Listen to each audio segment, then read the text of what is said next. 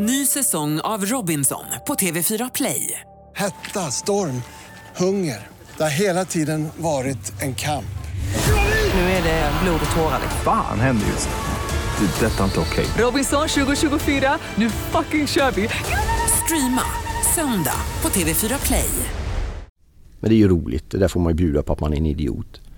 Jag tycker folk kan vara, bjuda lite mer på att man liksom är en idiot ibland, för det är man ju liksom.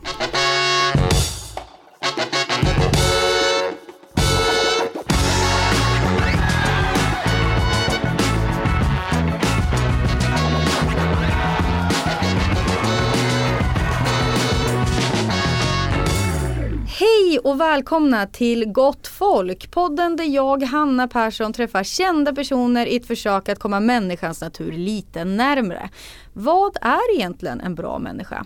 Podden görs ju här på reklambyrån Borg och Willy och framför mig så sitter ju en av ägarna och även den här, eller min sidekick i den här podden, den lite längre och äldre Lorenz. David Borg, Åh, tack. Jag är så lik Lawrence. du måste ju få höra det ganska ofta. Eh, nja, inte så jätteofta. Inte, fick höra det förut för några år sedan. Men eh, ha- han, han är något yngre än mig tror jag men han ser betydligt mer sliten ut än vad jag gör nu. Så att eh, han lever nog lite hårdare än vad jag gör. Ja, jag trodde att du skulle säga leva life. Ah, Men kul. du sa Nej. hårdare. Mm. Hårdare. Eh, hur mår du? Du ser eh, lite spak ut. Du, ofta ser du väldigt så glad och pigg och alert ut men Ja. du ser, ser lite Jag sitter liksom på halva fåtöljen här i inspelningsstudion och spänd, svettig är jag. För våran gäst är ju en gäst som, eh, jag vet, vi har ju bestämt oss att vara lite mer modiga i den här podden och bjuda in folk som vi kanske inte tror delar helt mina åsikter eller varandras åsikter. Det är roligt att få lite så spridning på gästerna. Ja men exakt, vi pratade ju inför säsong två lite om att säsong ett har gått väldigt, väldigt bra. Vi har haft Mm. många lyssnare och många som tyckte det varit jättebra. Men det varit lite endimensionellt med gästerna. Mm. Alla skulle kunna komma väldigt bra överens i ett rum tillsammans. Mm. Många utav dem i alla fall. Precis och vi vill ju Prata om inte att de ska göra det. Ja men vi vill ju prata om moral och etik. Exakt, exakt. Eh, Och folk som ser lite olika på det. Och det kanske inte ens den här gästen gör, vad vet jag. Men det är alltså Marcus Birro. Och det är ju någon eh, som jag inte i alla fall har så bra koll på eh, vad han gör idag. Nu har jag ju suttit och läst jättemycket Mm. som han har skrivit och eh, kollat på intervjuer och sådär inför den här intervjun. Eh, men liksom innan jag hade gjort det så tänker man ju på typ fotboll, Italien, kristen, lunch med Sverigedemokraterna och Ja. skilsmässotavlor på Tradera. Ja men exakt. Typ. Och, ja men exakt. Det började väl på något sätt att han eh, sa att han skulle gå för att bli partiledare för Kristdemokraterna. Mm. Det var väl typ där det började brisera ut i att han eh, blev lite vilsen i Ja, ja det var väl där någonstans. Det var just, för sen var ju lunchen då med Sverigedemokraterna och det där Mm. och då vart han ju sparkad från Expressen och jada jada jada. Förutom allt det här så är han ju också 46 år gammal, bor här på Södermalm i Stockholm, eh, är krönikör, författare, släppte en roman sen som 2017 som heter Lämna mig aldrig. Och nu är han alltså här då för att Mm. kanske förtydliga vad, vad är det han gör nu eh, och är han färdig med det här med, liksom med att provocera och skriva. Eh, han har ju kallat det mycket så att han eh, ja, men, skriver det som kanske inte andra vågar. Han säger sanningen på olika sätt. Eh, men sen har han också i vissa intervjuer tagit tillbaks det och liksom varit väldigt, haft väldigt hög självinsikt. Så jag ser verkligen fram emot den här intervjun men han känns ju inte direkt konflikträdd vilket gör mig rädd. Nej, Nej vi får se. Mm. Han var ju väldigt trevlig mejlledes i alla fall här när vi bokade in honom. Han, Mm. han såg väldigt mycket fram emot att komma hit. Oh, hoppas jag hoppas det här går bra nu David. Jag tror det kommer gå bra. Du David kommer ju tillbaka senare i slutet av den här intervjun. Mm. Mm. Du går ut och in kommer alltså Marcus Birro. Jättekul att du är här. Eh, hur mår du? Eh, ganska bra. Vad, vad, för oss som inte vet, eh, för jag tänker, för om man är intresserad av fotboll, då har man ju koll på vad du gör kanske Mm. just nu. För du håller på med fotbollspoddar och sånt. Jag har en podd som heter Studio Allsvenskan Ja. som handlar om den inhemska fotbollen. Som eh, rullar på med tre, fyra avsnitt i veckan eller vad det är. Sen har jag ett eget litet projekt som heter Calcio Amore som handlar om italienska fotbollen som jag gör också. Mm. Så det är väl ungefär det jag gör Mm. just nu. Och du skriver inte, ingen ny roman? Jo, eller så? jag skriver på en Mm. ny roman. Jag skriver alltid på en ny roman. Eh, sen hur lång tid det tar och vad det blir får vi se. Men det är någonting som pågår hela tiden liksom. Mm. Så eh, det är bara fotboll och eh, romanskrivande just nu. Mm. Ehm, den här podden handlar ju till stor del om vad som är en, som vad som utgör en bra människa. Det handlar om moraliska dilemman och så vilka vägar man kan ta och så. Så det kan ju bli dålig stämning. Men jag är Ja, ja, ganska men snäll så jag hopp, ja. Du behöver inte vara orolig för att ställa något så att jag skulle hamna i någon Nej. sorts raseriutbrott på ett 90-talsaktigt sätt och börja vackla ut härifrån och börja frusta och saker. Det kommer inte hända. Men kan du förstå att jag är lite nervös över att intervjua dig? Nej, Nej? Eh, jag kan förstå om du har gått på eh, de sista tre årens mediabild att du skulle kunna vara nervös men eftersom jag vet att det inte är så så behöver du inte vara det tror jag. Nej men jag tänker bara att du inte alls är konflikträdd. Eller så är jag kanske mer konflikträdd än vad jag vågar erkänna. Jag vet inte, vi får väl se. Ja. Jag är absolut inte rädd för att få liksom väldigt tydliga frågor eller om du undrar något som du är nyfiken på eller hur fan tänkte du där eller vad tycker du om det och så, så fråga Mm. det. Jag har inga problem att svara på det. Du Varför vem... är du nervös för? Nej men för att jag tänkte att du, att du eh, är inte konflikträdd och att du då skulle kunna liksom konfrontera mig med en fråga. Typ såhär, vad fan ställer du den frågan? Nej nej nej det skulle aldrig falla Okej. mig in. Nej. Tycker du att du är en bra människa? Uh, ja, I mina bästa stunder så kan jag vara en bra människa. Sen så är det ju så att man hamnar snett ibland. Men jag försöker att vara en bra människa. Jag försöker framförallt vara lyhörd mot vad jag innerst inne vill och vad jag drömmer om och sen försöker jag förverkliga det och jag försöker vara trogen någon form av eh, tanke som jag hade från början för länge sedan när jag började skriva böcker och uppträda och vara med i media och sådär för länge, länge sedan. Så hade jag någon sorts föreställning om vad det skulle handla om och varför det var viktigt och det handlade om att beröra människor och ibland har jag hamnat ganska långt ifrån det och nu de sista åren har jag kanske mer närmat mig att komma tillbaks till den ursprungliga tanken. Och i den tanken, den ursprungliga, så finns det nog en ambition om att försöka vara en en, eh, en hyfsat bra människa och med det även visa fram de sidorna som inte är bra så att andra människor kan känna sig mindre ensamma. Mm. Vad tycker du utgör en bra människa då? Kan du liksom peka på egenskaper eller är det mer liksom handlingar som man ska göra eller är det syfte med grejer? Ja, men nej, det är ju de klassiska med empati, lyssnande som jag har varit dålig på och blivit bättre på tror jag. Sen är det ju så att sorger och nederlag, förluster, fiaskon vad man vill kalla det är jobbiga men de lär en att bli en bättre människa för när allting bara snurrar på och går väldigt bra så är det svårare att vara en bra människa tror jag. Jag tror man behöver en del nederlag och det är ju lätt att säga i efterhand för när man lever igenom dem är de ju skitjobbiga. Mm. Men ofta så kan det bli någonting bra av det och man kan bli bättre människa av dem. Om man överlever dem. Mm. När känner du att du är som längst ifrån eh, att vara en god människa? Är det när saker i livet är jobbiga? Ja men det är när man blir småsint och blir skylla, sk- vill skylla vad det nu kan vara. Allt möjligt som händer på alla andra. Att man, slipper, man inte vill ta ansvar. Eller när man vill trycka på enter-knappen fort för att man är arg på att någon har sagt något och sådär. Men jag har blivit bättre på att hantera det. Min känsla är ju som, eller min känsla av dig, liksom fördom kanske man kan kalla det, är ju att du känns ganska känslostyrd och agerar ofta på impuls. Eh, får ofta ångra saker som du har sagt och gjort. Är du en människa som drivs av skuld? Mm, jag drivs nog, jag tror de flesta människor drivs av någon form av skuld gentemot både sig själv, sitt ursprung, var man kommer ifrån. Det kan vara släkt, vänner, syskon, föräldrar man vill slita sig loss ifrån. Så på det sättet så Sen så tror jag inte att jag är så otroligt mer liksom känslostyrd än andra. Mm. Men jag är väl kanske inte så jävla smart. Tror jag. Men media är, är ju just nu åtminstone, har varit ett tag, ganska färgat av, man, alltså, det är smart, det är en förpackning, man säljer en idé, man säljer en bild.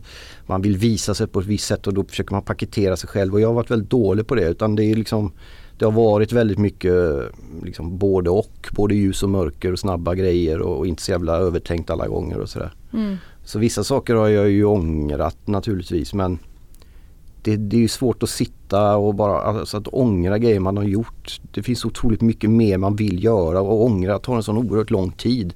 Och föder också bitterhet och jag vägrar ju bli bitter och det blir ju ju äldre man blir, det kommer du märka sen om 20 år typ. Eller något.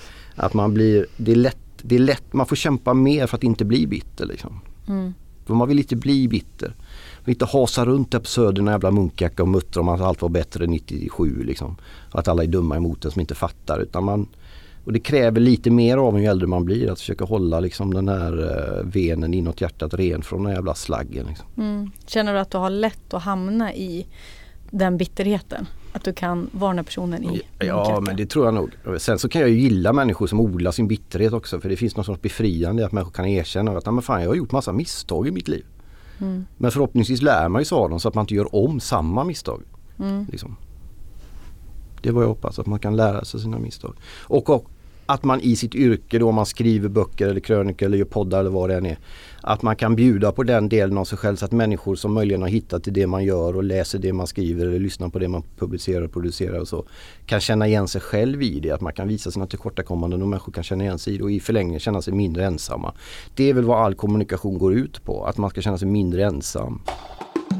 Min känsla är ju att du inte längre eh, liksom kastar dig ut och skriver liksom lika provokativt. Eller, Nej så är det ju. Eller är det, eller upplever du som att det är liksom samhället som har ändrats? Alltså att, man, att du skriver på samma sätt men att man förhåller sig till det du skriver Nej, jag skriver till att börja med inga opinionsbildande texter. Nej. Jag har inte gjort på drygt ett halvår. Mm. Det är, och det har ju att göra med olika saker. Dels så har jag inga plattformar för det längre. Eftersom jag inte är kvar på någon av de ställena som jag arbetade på. Men sen så var jag såg alltid, det är lite grann som Thåströms Pislaven Pippos-period. Han liksom gick in i Amsterdam och flyttade in där och, och vad han nu ägnade sig åt. Satte helikopterhjälmar på huvudet och sen var det elgitarrer och distade trummaskiner och sjunga på engelska. Och han sa någonstans det var underbart befriande men någonstans visste jag att jag skulle komma tillbaka med min jävla halvtrasiga kuskgitarr och sjunga kärlekssånger på svenska igen. Det är lite samma där. Jag var inne i det och härjade och skrev en del saker. Och en del saker var väl bättre än andra. En del saker var smartare än andra. Eh, men jag, jag känner ingen längtan tillbaks till att vara liksom en sån här byline-figur som fladdrar förbi på sociala medier med tydliga åsikter om Mm. vad det nu kan vara. Jag har gjort det liksom. Mm.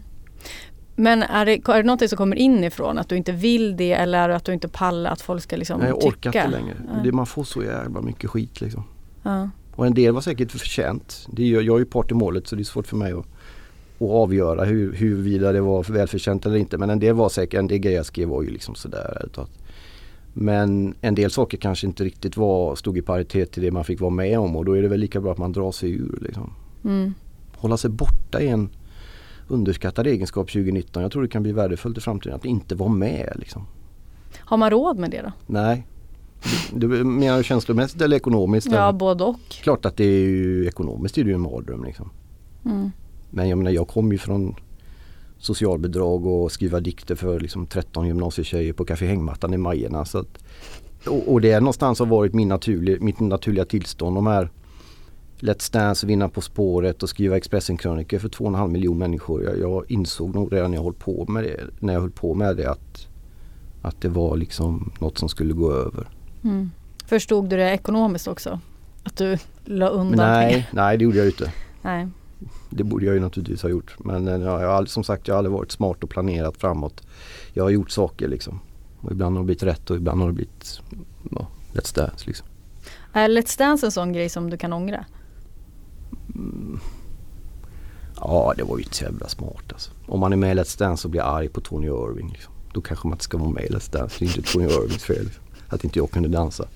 Så att, eh, det var inte så smart. Och sen var det så dumt då också. Det är ju väl vad det nu 7-8 år sedan någonting drygt. För då hade vi ju, jag och Johanna Koljonen i omvänd ordning eh, vunnit På spåret. Mm. Och det spelas ju in på hösten där. Mm. Så vi, jag vis, vi visste ju det. Och då ringde de och frågade om jag skulle vara med Let's Dance. Och det gick ju samtidigt då. Så, då tävlade man ju vissa fredagar då var man ju med i På spåret och visste man skulle vinna det. Samtidigt som man skulle klä sig i löjliga kläder och dansa i TV4 liksom. Mm. På spåret är ju underbart. Let's Dance är ju inte underbart. Så då kunde Varför sa du ja då? Jag sa ja till allt då. Mm. För... eh, Nej men vad fan vara med och tjäna pengar. Och det var Mm. inget, det här ska jag göra liksom. Men jag tänker, du är ju också punk. Ja, Let's Dance känns ju nej. väldigt långt ifrån Ja, det. jag försökte sälja in det i de här bilderna. Man gör såna här prestationsfilmer innan. Mm. Och berätta om att jag hade varit sångare i alla band där och så, Men det var ju... Nej, jag skulle inte varit med där. Nej. Ljuger du mycket?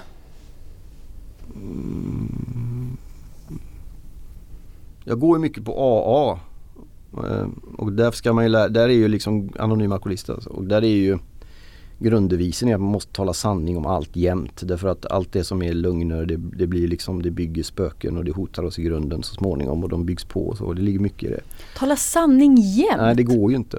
Nej men då blir man ju en fruktansvärd person. Ja, ja Tänker jag. Alltså att ja, man men du måste... menar de vita lögnerna? Att man är Ja, liksom ja men man ljuger ju för att vara snäll mot andra. Man vill inte bli Bert Karlsson liksom. Nej. Man säger jag säger som det är och så är man egentligen bara en jävla idiot typ. Och är oförskämd. Nu säger inte jag att han är en idiot men alltså det att Mm. du, man säger rakt fram att den där tror jag är skitful. Ja men jag säger alltid vad jag tycker, det är ju bara oförskämt. Mm. Liksom. Men ärlighet är det väl handlar om på, på A, kanske mer än att tala sanning i alla lägen. Eh, men vita lögner kanske förekommer ja. Mm. Men jag försöker låta bli att medvetet ljuga. Jag kan putsa lite på någon sån här CV om man ska skicka eller något sånt där. Jag vet inte om det klassas som lögner men det gör det kanske. Mm. I din relation då? Du är gift, jag är gift ja. Mm. Mm. men bo, ni bor inte ihop? Nej vi bor inte ihop. Hur är det där då? Är du noga med liksom att du ska säga Ja, Ja. och vis av erfarenhet tror jag. mm, Ja, I tidigare relationer så vet jag hur mycket det förstör om man börjar och där tror jag man får vara mer omytlig och ärlig faktiskt. För börjar man och liksom, det handlar inte om tr- kläder och färger på tröjor man kan säga utan alltså börjar man ljuga i, en, för- i ett förhållande och en relation. Sen har vi och har alltid haft en relation som går utanpå allt som jag någonsin har varit med om tidigare. Så vi kom in, vi kom in, liksom in i våran relation på ett sätt som gör att det blir närmast omöjligt att ljuga. För den, det är lite svårt att förklara med ord även om jag brukar vara hyfsat bra på det. Men den, den står på någon sorts... eh, ja, den är på ett annat plan så det, det, det är inte svårt att vara ärlig. Och det har, jag har haft svårt för det innan. Och jag har inte sett och insett själv att jag har var, liksom, ljugit eller hållit undan eller inte berättat. För det ibland kan ju det kännas som att det inte är lögner för att man inte berättar. Män är särskilt sådana. mm, Men jag berättar inte om mina känslor, jag gömmer. Men då ljuger man ju egentligen. Liksom. mm. Men här, den här relationen och äktenskapet och förhållandet är på, på ett annat sätt vilket gör en fantastisk och, och sårbar också såklart. Mm. Vad fint. Ja det är fint men det är, som all passion så är det ju kan vara svårt med. Jo. Men, det, men visst den är, det är fantastiskt att få uppleva det. Jag trodde aldrig skulle vara, jag skulle få vara med om det. Faktiskt. Får jag fråga, varför bor ni inte ihop? Vi testade ju att göra det eh, men det funkade inte riktigt. Så då tänkte vi att men vi måste få vara med varandra. Och då får vi göra det på vårt sätt och vi gifter oss. Ja men då ska man väl bo ihop och då, ja, men det är väl ingen som talar om för någon annan hur de ska göra och inte göra i Sverige 2019. Så vi gifter oss och så bor vi isär. Sen har vi barn på varsitt håll och lite olika. Och mina går på ett ställe i stan och hennes bor på ett annat. Så, så rent logistiskt var det lite stökigt så vi gifte oss. Mm. Det är bra. Mm. Och så får vi se vad som händer sen med det andra.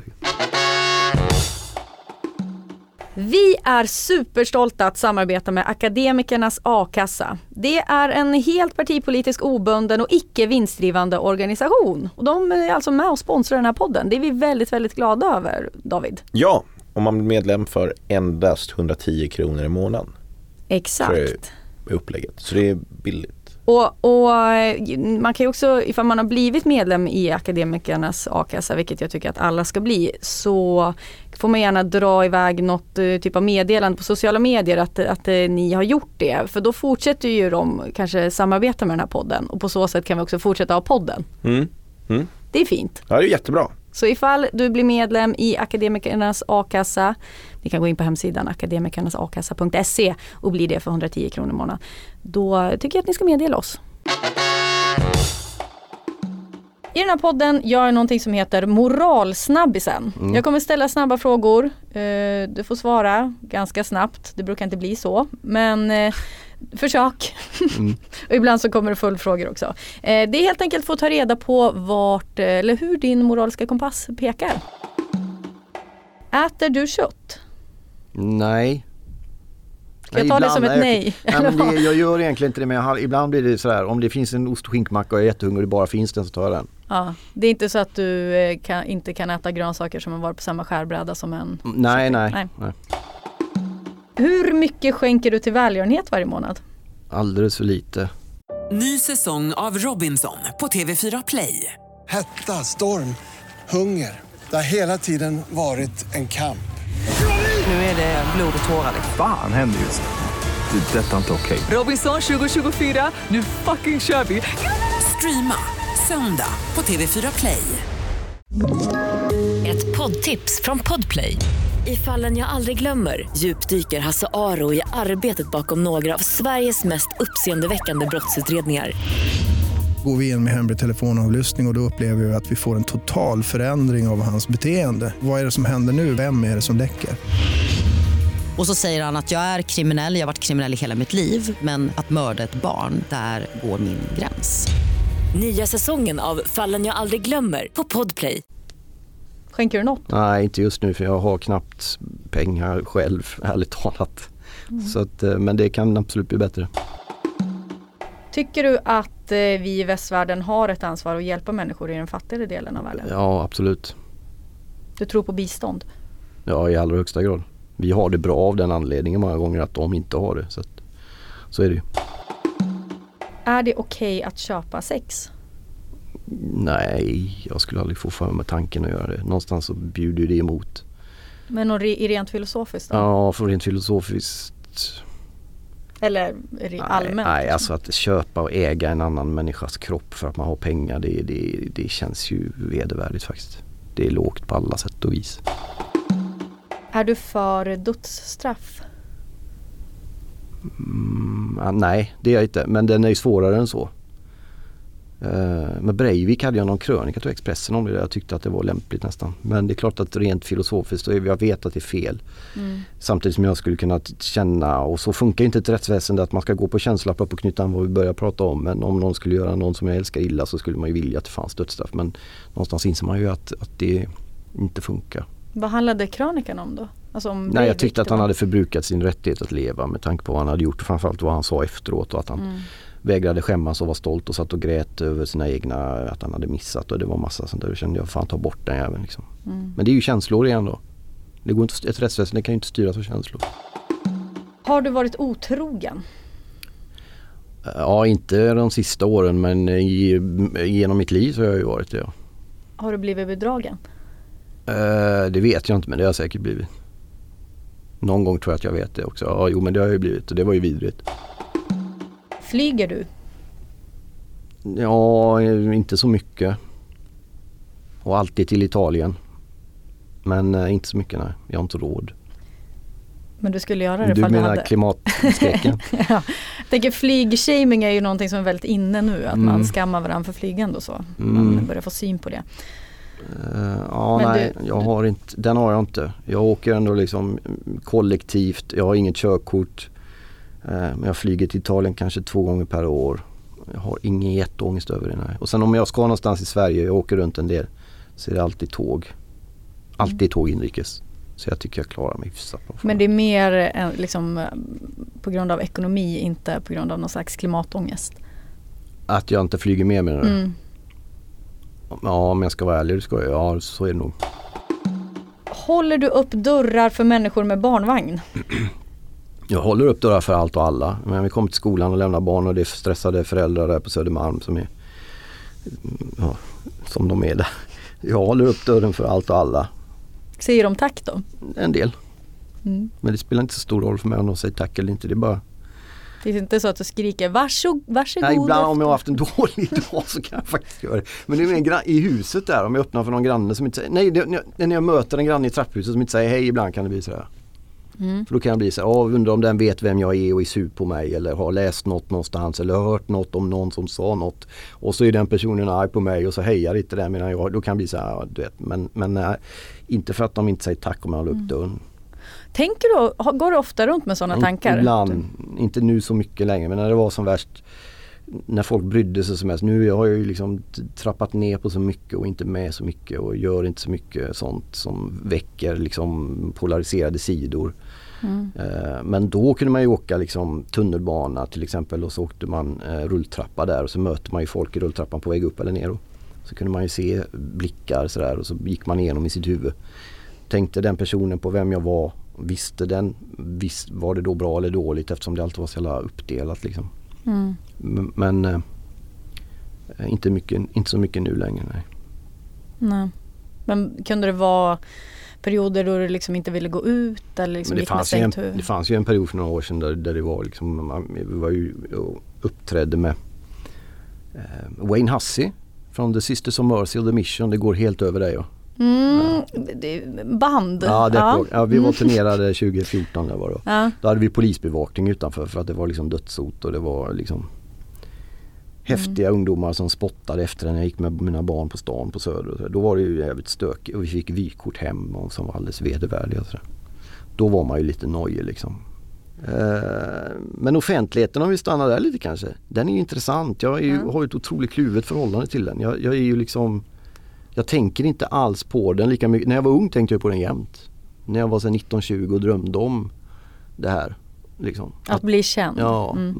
inte till vilket pris som helst men att bli känd för att få skriva böcker och få vara med i olika sammanhang. Och nu har jag gett ut 20 böcker och fått ge ut skivor och skrivit bok om imperiet och jag har fått turnera med mina idoler och jag har fått göra allt det där liksom. Och tycker ju att ja, det, var, det är ju jättekul allt jag fått göra. Jag har fått gjort så otroligt mycket. Jag har fått träffa så fantastiskt många människor. Jag har fått göra allting jävligt häftigt. Men offentligheten som sådan är ju helt meningslös. Liksom. Den är ju bara stör, den är ingen rolig alls. Särskilt inte när man blir äldre, nykter av barn och aldrig går på krogen och liksom har ett stadgat liv. Och vad ska man ha den till liksom? Att någon tant vänder sig om i rulltrappan och säger fel på ens namn. Det är liksom, det är, den, den är inte värd något. Samtidigt som när jag var 1920 och lyssnade på 46-åriga jävla gubbar som satt och sa att ja, ja, så längtade in i kändisskapet eller offentligheten. Den är ju inget att ha. Nej, nej, tänkte man. Det är ju lätt för dig som har varit där. Mm. Du måste ju ha varit i rummet för att kunna gå ur Mm. det liksom. Mm. Vad tycker du om den? Offentligheten. Du är också lite så. Eh, ja, alltså jag ser ju att den eh, Alltså du säger att den inte ger någonting eller att det inte är värt något. Det är ju värt de uppdrag man får. Det är väl det. Mm. Det är väl det, man lever väl i en samtid som anställer människor utifrån följarantal och eh, hur liksom populariteten Mm. ser ut hos de personerna. Så att det, på det sättet så kan jag liksom eh, uppskatta att jag har folk som bryr sig om mig och vet vem jag är för då kan jag få göra roliga saker. Mm. Ehm, men det är ju inte Ja det skulle väl vara när man kommer in på Spybar då. Ja precis, ja men typ sådana grejer. Liksom. Vet inte. Men ehm, någonstans visste jag väl när jag var ung också att ja, men det där som jag var inne på innan det här med, med allt som var väldigt stort och, och att bli en, att det där, det, det är en värld och den kan man gå in i men jag tror det är farligt att fastna i den. Mm. Eh, Det är skönt att fastna där, det är behagligt, bekvämt och man får pengar och det, man får ryggdunkningar och mycket folk som tycker om en. Men jag tror ändå att det är ett farligt ställe. Ja men och kanske framförallt när det mm, blir helt tvärtom. Alltså jag menar det som du har varit med om lite. Att det har vänt, du vann På spåret, du var med i Let's Dance, du var liksom folkkär. Eh, och sen åt du lunch med två sverigedemokrater. Mm. Och sen så var det väldigt många människor som inte tyckte att du skulle få ha en plats. Mm. Eh, Och de har ju vunnit. Men så är det ju. Jag har ju ingen plats liksom. Men samtidigt har jag vunnit med. Så jag kanske borde vara tacksam mot dem. Eh, men jag, när det gäller mediagrejen så hade jag ju en bild av, jag har ju ingen utbildning till exempel. Jag är inte journalist, jag har aldrig kallat mig själv journalist. Jag har ingen, eh, jag har inte gått de här skolorna, jag kommer inte från samma klass, jag kommer inte från samma stad, jag kommer inte från samma del av samma stad. Jag har inte stått på samma barer, på samma innekrogar vid samma tidpunkt och druckit samma drink som alla andra. Utan, men och, har verkligen alla andra I gjort stort det? sett alla andra har gjort det ja. Men jag tycker det där är en förenklad bild. Fast om man ser, ja möjligen lite förenklat kanske. Men den, det ligger en del i det ändå tror jag. Mm. Någonstans så blev, och det var en, men det var en, det var en förtjänst i början. För jag kom fram som liksom oborstad, skrev bra. Det har jag ju alltid gjort, skriva kan jag ju liksom så Mm. det är inget problem. Men kom, hade ingen kontaktnät, kom, fick söka alla jobb själv, slog mig fram på det här. Så det är inget unikt så. Men, men när det började blåsa sen så hade jag ju ingen. Det fanns ju ingen där. Ingen av dem som jag trodde var liksom mina vänner eller någon sån där. De, de var ju inte mina vänner. Liksom. Ska droger legaliseras tycker du? Nej. Jag frågar en nykter alkoholist. Ja, nej det tycker jag inte. Nej. Sen är jag ingen moralist på. Det- Jag är trött på nyktra människor som inte kan hantera sprit som tycker att alla andra ska vara nyktra igen bara för att de inte kan. Liksom. Det, det är någon sorts bitterhet i det. Jag är bara fantastisk människa som kan dricka och njuta av det och inte ha problem. Eh, Men droger tar ju livet av så fruktansvärt mycket folk och ställer till med så otroligt mycket elände för människor runt omkring så man måste ha respekt för dem. Är du för svensk abortlag? Ja, absolut. Vad står du politiskt? Ja, men jag är ju, alla är ju sossar liksom. KD-svängen då? Ja, den är ju några år gammal nu alltså. Mm. Men jag hade det ju bra där ett tag. Som bara tjäna pengar. Jag kommer ju från en socialistisk hem. Min pappa ju, var ju aktiv i, i fackförening och även i dåvarande VPK. Mm. Nuvarande Vänsterpartiet och även min bror var med där och vi gick runt och sålde Stormklockan och Ny Dag och Igår och allt vad fan hette de här tidningarna i trapphusen i Angered och inköpte dem. Så jag kom ifrån det där och även i ungdomen så var man ju liksom palestinasjalar och gick på Anna Långgatans eh, markskurser i sina långärmade t-shirts där randiga. Och satt med där och så eh, men det var också en väldigt förenklad världsbild som serverades. Det var mycket av grejerna som var paketerade och klara som kom. Liksom. Israel-hat, mm. eh, dubbelmoral och, och allting. Det, det, var som någonting som redan kom och ju mer jag läste, ju mer jag lärde mig, ju mer världen breddades och blev nyansrik så såg jag att saker och ting var inte så enkla. Men det var snabba svar ja. Nej, inte KD. Verkligen inte KD. Nej. Om man har en partiledare som står och säger någonting om litterär kanon och sen inte ens kan säga författaren på Gösta Berlings saga eller Hemsöborna då kanske man ska, jag vet. Men, eh, är det där KD faller? Nej, de föll innan för mig tror jag. Mm. Men, jag ser, men jag ser väl i de flesta partier finns det någonting som är bra. Eh, som man skulle kunna sätta upp till ett enda stort bra parti och det blir väl sossarna i någon mening var väl förr liksom. Mm. Men, eh, men du är italiensk medborgare, ja, du får exakt. inte rösta Nej, jag tänkte precis komma precis mm. jag slipper det problemet. Jag får rösta i kommun och landstingsval typ. Mm. Och det är ju inget kul. Liksom. Nej men det är ju viktigt kanske. Ja. jag tycker jag har gjort min del i liksom att vara opinionsbildande eller ta ställning eller tycka och tänka och sådär. Mm. Ska vi bara klargöra det också? Eh, jag tror jag läst 20 intervjuer där du fått frågan, är du Sverigedemokrat? Ja just det, ja, exakt. Nej, jag är inte Sverigedemokrat. Nej. Jag har aldrig varit och kommer aldrig bli. Jag kan säga det till folk som undrar att om man äter middag eller lunch med folk med en viss politisk åsikt så blir man inte drabbad av den politiska åsikten för att man äter med dem. Jag lovar er, man kan behålla sitt sunda eh, sinne intakt. Ett nytt segment i den här podden heter Vad sa du sa du? ja. Den kan bli lång i det här fallet känner jag. Det går ut på att jag helt enkelt kommer säga några grejer som du har sagt. Ja. Och så vill jag bara ha en kommentar. Ja, det är riktigt. Um, vi kanske ska börja med den här tweeten som du skrev mm. 2014.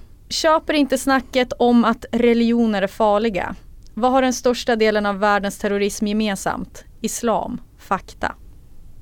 Det här var ju en tweet som eh, du fick väldigt mycket reaktioner på. Kanske också, du pratade om de här vykorten och hoten. Var det i samband med den här tweeten? Jag har inget emot att, alltså den, dels är ju den här 100 år gammal, känns mm. som trött. Men eh, apropå skapa dålig stämning.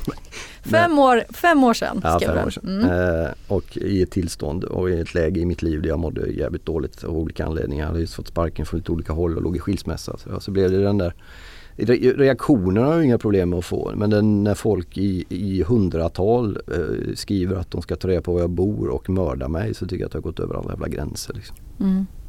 Så kan jag tycka. Håller du med dig själv idag om det du skrev? Nej, man kan inte uttrycka sig så kortfattat. Alltså det, det här var ju på den tiden Twitter bara var 140 tecken också.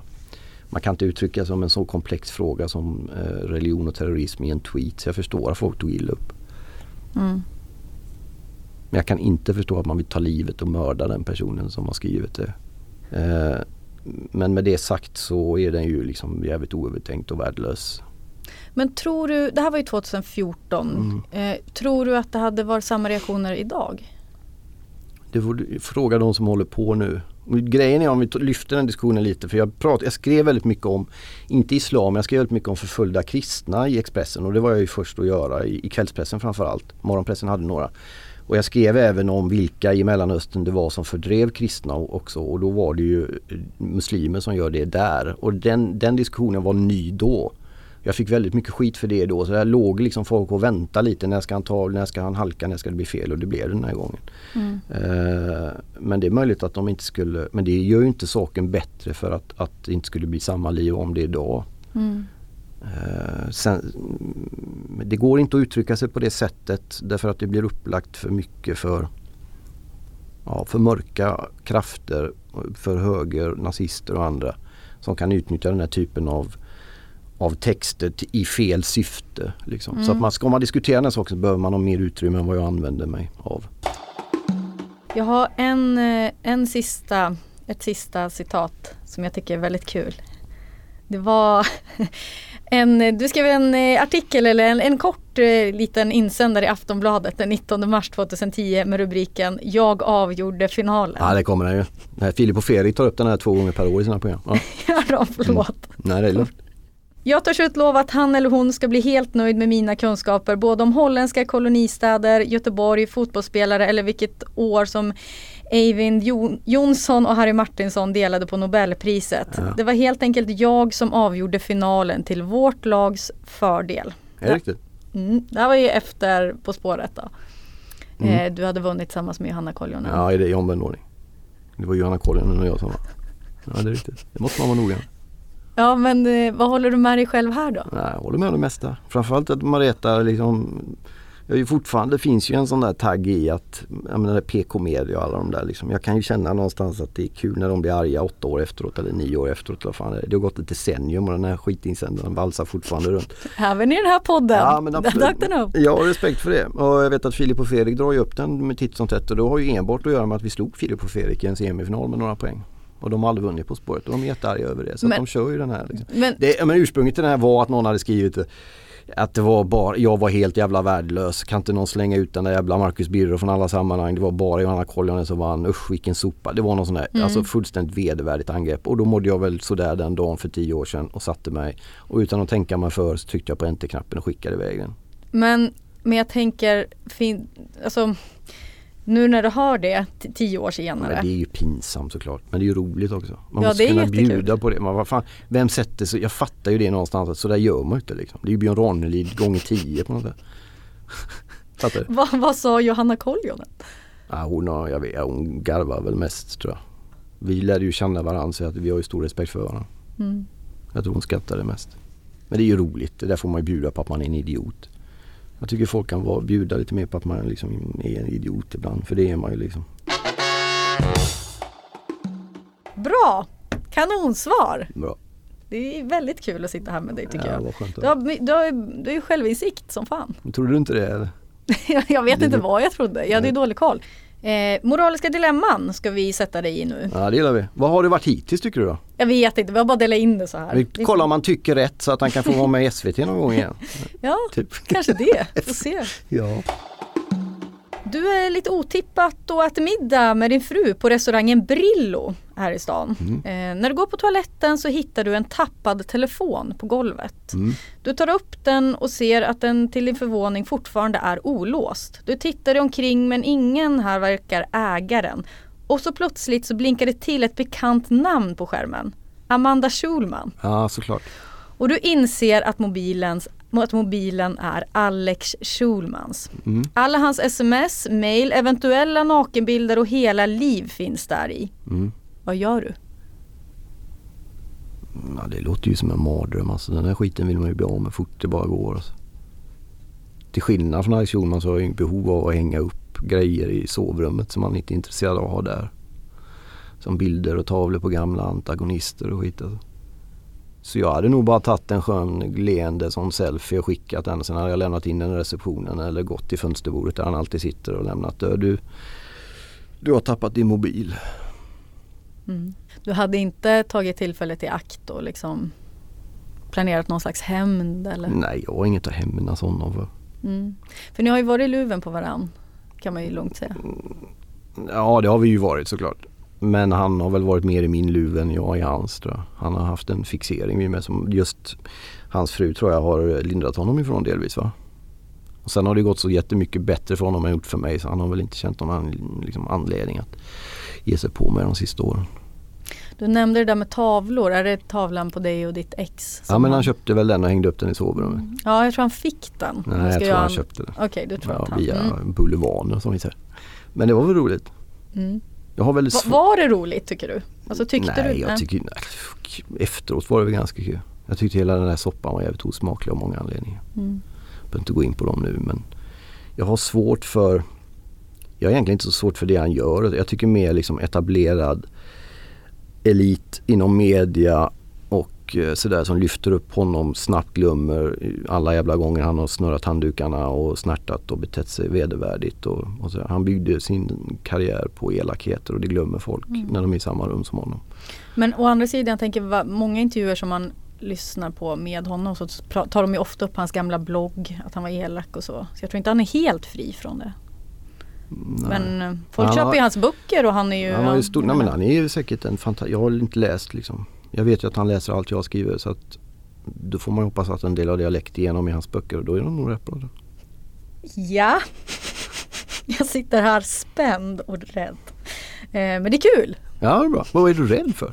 Nej, jag vet inte. Jag vill bara inte hamna i me- mellan er. Nej, nej, men det finns inget emellan. Jag Nej, nej, nej, nej, vi, nej. vi, vi är inte ens på, alltså det var, det var en sak om, om jag var krönikör i Aftonbladet. Han är väl på Expressen nu va? Mm. Han har varit på båda. Men, men jag är ju inte där liksom. Nej. Jag är inte, då, vi var ju under en period, jag tog över som sidekick och gjorde det mycket Mm. bättre än vad han gjorde. Det måste man ju säga för han var ju rätt dålig där liksom. Sen- Lennart Ekdal. Ja, Mm. TV4 precis. För de som, det är länge sedan också nu allting. Och då var vi ju liksom väldigt jämstora. Han hade webbprogram på Aftonbladet, jag hade webbprogram på Expressen. Mm. Det var massa såna grejer, krönikörer, profilerade, tycka, tänka. Sådär. Men jag är ju inte där. Det är inte, jag är inte där alls längre liksom. Så jag, jag, jag, jag tror inte han ägnar sig för fem öre åt vad jag gör nu för tiden. Och jag hänger inte riktigt med vad han gör heller liksom. Så att, vi- jag är inte arg på honom. Nej. Men jag tänkte du lät lite arg nyss. Alltså att du... Nej, nej. Nej. Lite. Dags för shoppingrunda för Marcus Birro. Härligt. Du är på Footlocker Mm. för att köpa ett par fotbollsskor. Oj. Men när du kommer till kassan så ser du att skorna går in för halva priset och inser då att de ligger i helt fel kartong. Säger du till? Nej, nej, nej jag gör inte. Det är ju upp till kassörskan eller kassörkillen. Typ. Mm. Du lurar dem på pengar. Va? Du, du tar... Nej, inte medvetet. men om det står fel och man tjänar mycket halva? Mm. Ja, men det gillar man ju. Mm. Det får det bli. Sverigedemokraterna erbjuder dig 100 000 kronor i månaden på faktura för att skriva krönikor veckovis i deras tidning Samtiden. Ja. Vad svarar du? Nej, aldrig i helvete. Och det har aldrig varit speciellt aktuellt. Det var några dagar för några år sedan där det fanns ett tillfälle. Men en, nej, aldrig i livet. Din dotter går i ettan på gymnasiet och ska på nyårsfest hos en kompis i Botkyrka. De kommer vara runt eh, 20 glada 16-åringar som firar in det nya året och hon eh, undrar lite försynt om du skulle kunna köpa ut en flaska vin åt henne. Ja, Vad svarar du? nej. Då kanske hon säger, ja men det kommer vara hembränt där och då dricker jag väl det då. Okej. Ja, då hoppas jag att jag har tagit mitt körkort. Med all respekt till alla som tycker att man ska ha lite klimatångest över det också. Eller har haft mycket pengar så jag kan be en åka taxi. Men jag, jag tänker inte köpa ut med min historik en flaska vin till min dotter. Det, det, det, det går, det existerar inte liksom. Aldrig. Men handlar det mer om dig då än vad, tycker du? Men du menar att man skulle köpa ut en flaska vin och tänka okej nu köpte jag en vinare så nu kommer hon bara dricka den och inte hembränt. Ja, men det brukar ju vara ett argument hos kanske 16-åringar. men en 16-årigs argument när det gäller alkohol kommer man inte ta på allt stort allvar. Nej. Kan säga. Risken är ju att hon häller i sig den vinaren och därefter ännu med större glupskhet kastas över bålen. Som består av vodka och nedskivade gurkbitar. Pratar du av egen erfarenhet? Nej. ja men det är klart man gör. De bålen gillar man ju alltså. Fan vad stort det var alltså. En stor skål sprit och gurka bara du vet. Ingen jävla läsk och skit i den där. Jag, jag tror inte att hon dricker mindre för att jag köper ut en flaska. Är det, eller är den logiken? Mm. Ja men det, jag tänker, det var ju det jag sa till min farsa. Ja, hur gick han, det då? Ja, han köpte. Ja, och hur Mm. gick det? Ja, jag drack ju hembränt också. Ja, exakt. Mm. Men jag är från Sundsvall. Där. Ja, ja jo, i och för sig. ja. ja, det förklarar en del. Pärondunken kommer från. ja. Men det, det, det inte var någon skillnad om det var din son? Nej, jag. nej, gud, nej. Det är ingen skillnad Vad fan där. tror om mig Ja, egentligen? men jag menar, ibland så har man ju lite undermedvetet så. Killar klarar sig bättre. Vem säger nej, nej, nej. Nej. nej. Den här är svår. Din bästa polare ska gifta sig. Ni är fem stycken 40 plus killar som åker till Amsterdam och har bokat en guide som tar er igenom kvällen. Runt 01.30 så tar den här guiden ner till en strippklubb. Dina polare går tjoandes in. Följer du med? Nej, nej, nej. Jag är inte med så långt. Jag är ju hemma vid kvart i sju alltså. Det Så är ju kommer aldrig- svensexa. Det spelar ingen roll, jag åker inte på någon jävla svensexa. Jag kommer inte ens vara med i Amsterdam. Men vi ponerar ju nu då att jag är det. Mm. Men jag följer inte med på strippklubb, nej. Är det, men du menar, är det för att du blir trött tidigt eller är det för Nej, jag har du, ingen lust att gå på strippklubb. Det är ju, det är ju sunkigt bara. Har du varit på strippklubb? Ja. Och det är sunkigt. Mm. Mm. Det är jätte, jätte, jättelänge sedan. Så att, eh, nej. Har du? Mm, Ja. Mm. Men det kanske inte ska med i podden. Nej, varför inte det? Vad ärligt åt båda hållen. ja. Nej men jag, jo, men jag tror jag var det när jag var 18 i Barcelona. Jag tror jag var Jo det. men jag var, men det, är var ingen riktig. Jag hade ingen aning om att det var en strippklubb. Det var så Ja. rökigt där. Ja det är jag. Men det var Förlåt? faktiskt hon som ringer nu, Johanna. Ja. Kan jag hänga ut henne också. Ja. Eh, vi var i Barcelona när vi var 18 så Ja, då, jag var exakt, jag var 19. Mm.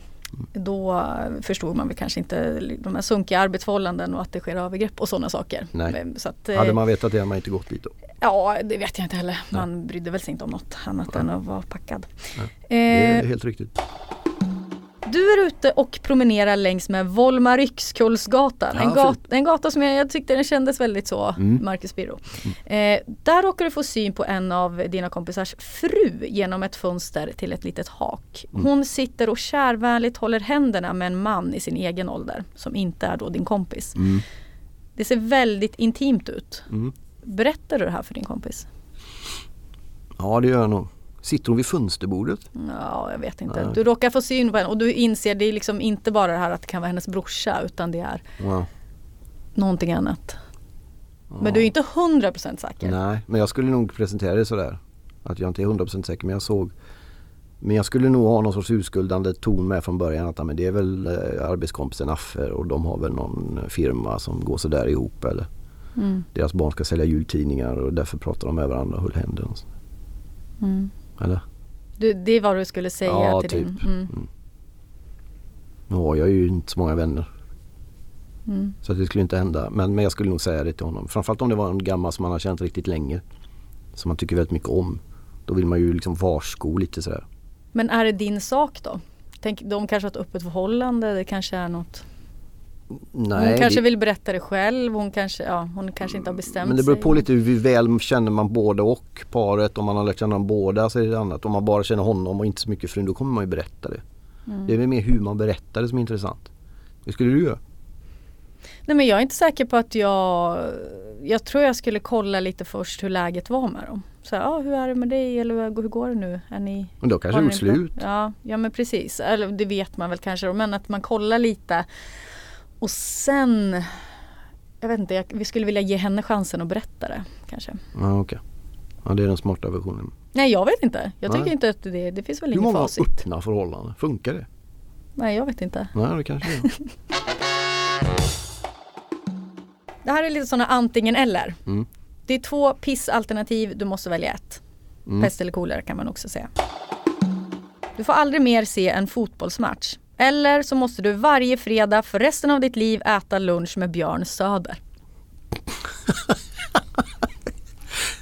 Ja. Du har ju återkommit till att man, fan, man får ju äta lunch med vem man vill. Aldrig få se Roma alltså. Jo, men men jag, tar, jag sätter mig med Björn Söder. Men man skulle kunna göra det till ett levande, man skulle göra det till någon sorts koncept. Att Ja, du jag- kan ju spela in, du kan göra en Ja, podd av det. göra Fredag podd. med Björn Söder. Omvandlingen av Björn Söder skulle man kunna göra. Mm. För du, du kan inte leva med att Ni är helt inte få se. fixerade journalister om den här jävla lunchen som var på SD. Ja det är intressant alltså. Men du kan inte tänka dig att aldrig, att se, inte få se Roma, jag må, det är... nej men jag måste ju få se Roma liksom. Mm. Då, då tar jag, går- får jag gå och äta lunch med. Mm. Han kan behöva lite civiliserat sällskap. Du gör en Ranelid och ställer upp i Mello med någon slags spoken word ihop med artisten Sonja Aldén. Ja. Eller så väcks du varje morgon av Alex Schulmans en minut långa hånskratt. Eh, ja men ja, Mellon har jag varit på alltså. Ja, man är, vi skickade in ett bidrag, jag och Wayne Hussey som jag pratade om innan från Mission. Och Sisters of Mercy. Och sen har jag även fått ett bidrag skickat till mig. Mm. Men det blev inget. Men du, jag tänker även där Mello, det går liksom inte riktigt ihop med det som jag tänker att du... Ja, men jag vill inte ha Alex Schulman alltså. i mitt liv en jävla morgon alltså. Men jag skulle aldrig vara med i Mello heller. Men eh, hellre det i så fall. Men du, du funderar på Mello? Nej nej, var- gud, nej nej men det här är ju flera år. Det var ju under de här galna åren liksom. Ja. 2012 tror jag det var vi skickade in någonting. Mm. Och jag fick året efter, eller året innan jag kommer inte ihåg, men det är för 7-8 år sedan fick jag en förfrågan om någon låt som inte blev av. Men sen kom ju Björn Ranelid ur den där grejen. Mm. Jag stod och stampade och läste någonting. Han gick väl till final va? Mm. Han kom sist i final. Antingen så blir du offentligt anklagad för metoo-grejer, det vill säga grövre sexuella övergrepp som du är oskyldig till. Eller så blir du inte offentligt anklagad, men du lever med vetskapen av att du faktiskt har gjort dig skyldig till metoo-grejer. Ja, även den första. Så. Nu är jag ju så...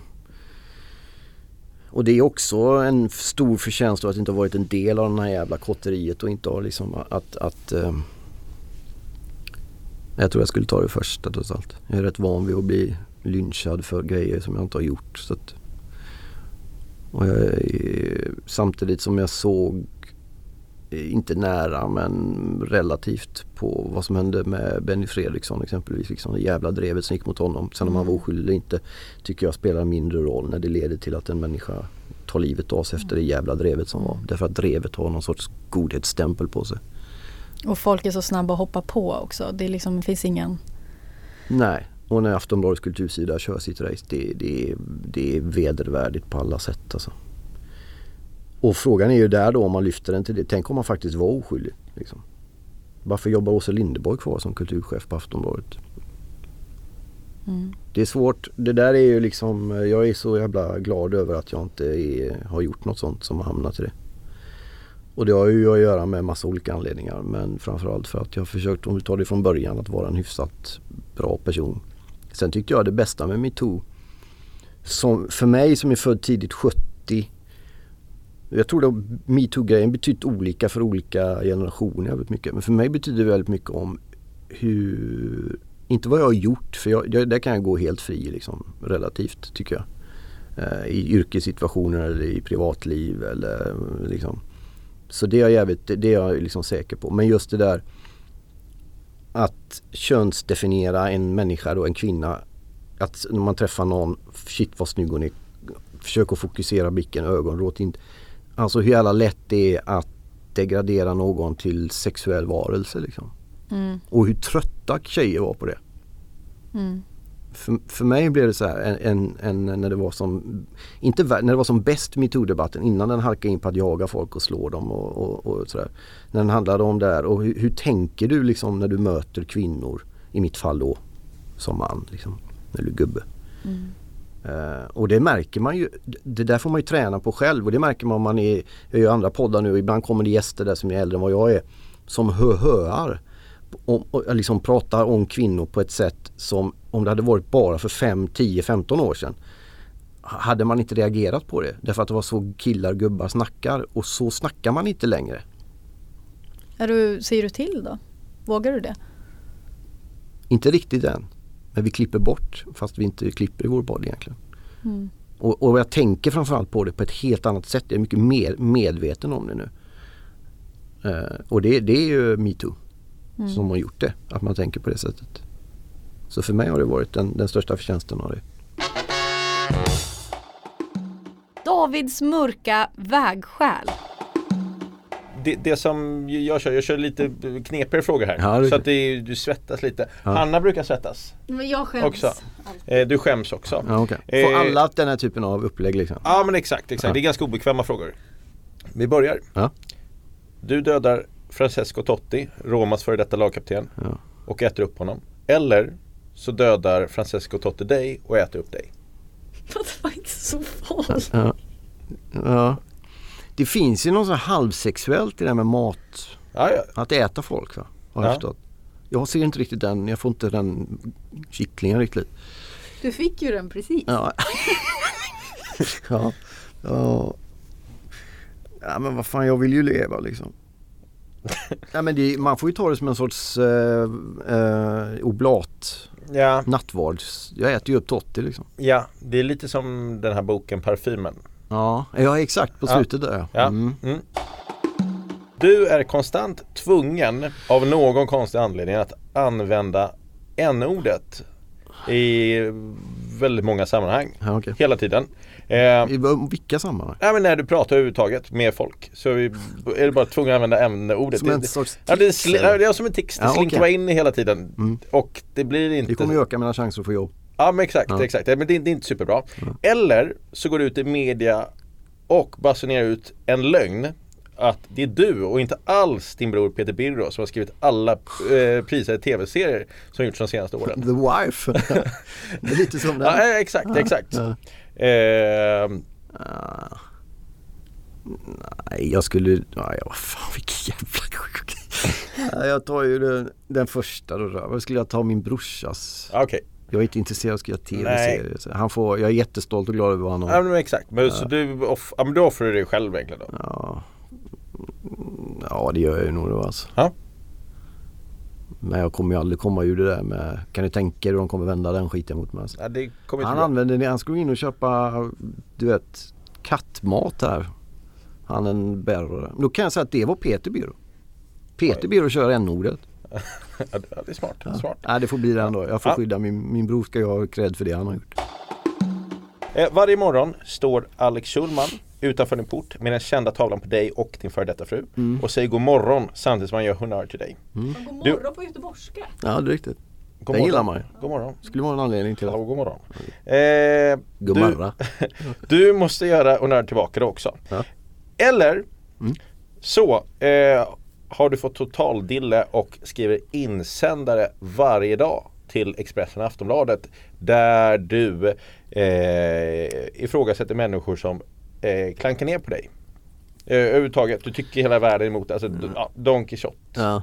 Fast det är ju ingen som är emot mig längre. Nej men, Så att nej, men Då har man ju- verkligen tappat det. Nej men varför, gå ut varje morgon och träffa Schulman och göra en honnör känns ju stramt alltså. Det kan man göra. Tack David. Ja. De var inte så farliga tyckte jag. Nej, Nej, Du är snäll. jag, jag är ganska Vad har hänt? Jag vet inte. han vågar inte annat.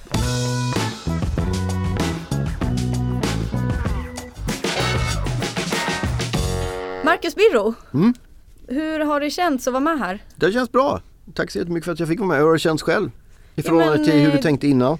Nej men jag tycker ju att du är ju trevlig. Det, tror Tack. jag. Det, låter, det låter ju också som att jag har inte trott att du skulle vara det. Jag tror, inte att, jag tror att du har tyckt att, trott att jag var rätt dryg och konstig. Ja, vet du, jag, så här, jag gick ju estet och på mycket med teater och sånt. Mm. Och jag har om, om liksom gett mig med mycket musikkillar som Mm. är liksom lite så punk med citationstecken. Mm. Eh, och, då, och den typen har jag varit ganska trött på. Mm. För att de eh, bryr sig bara om sig själva. Mm. tycker jag. Och band som inte jag lyssnar på. Eh, så att jag tänkte på något sätt att du eh, skulle vara lite mer så, alltså lite dryg kanske då på det sättet.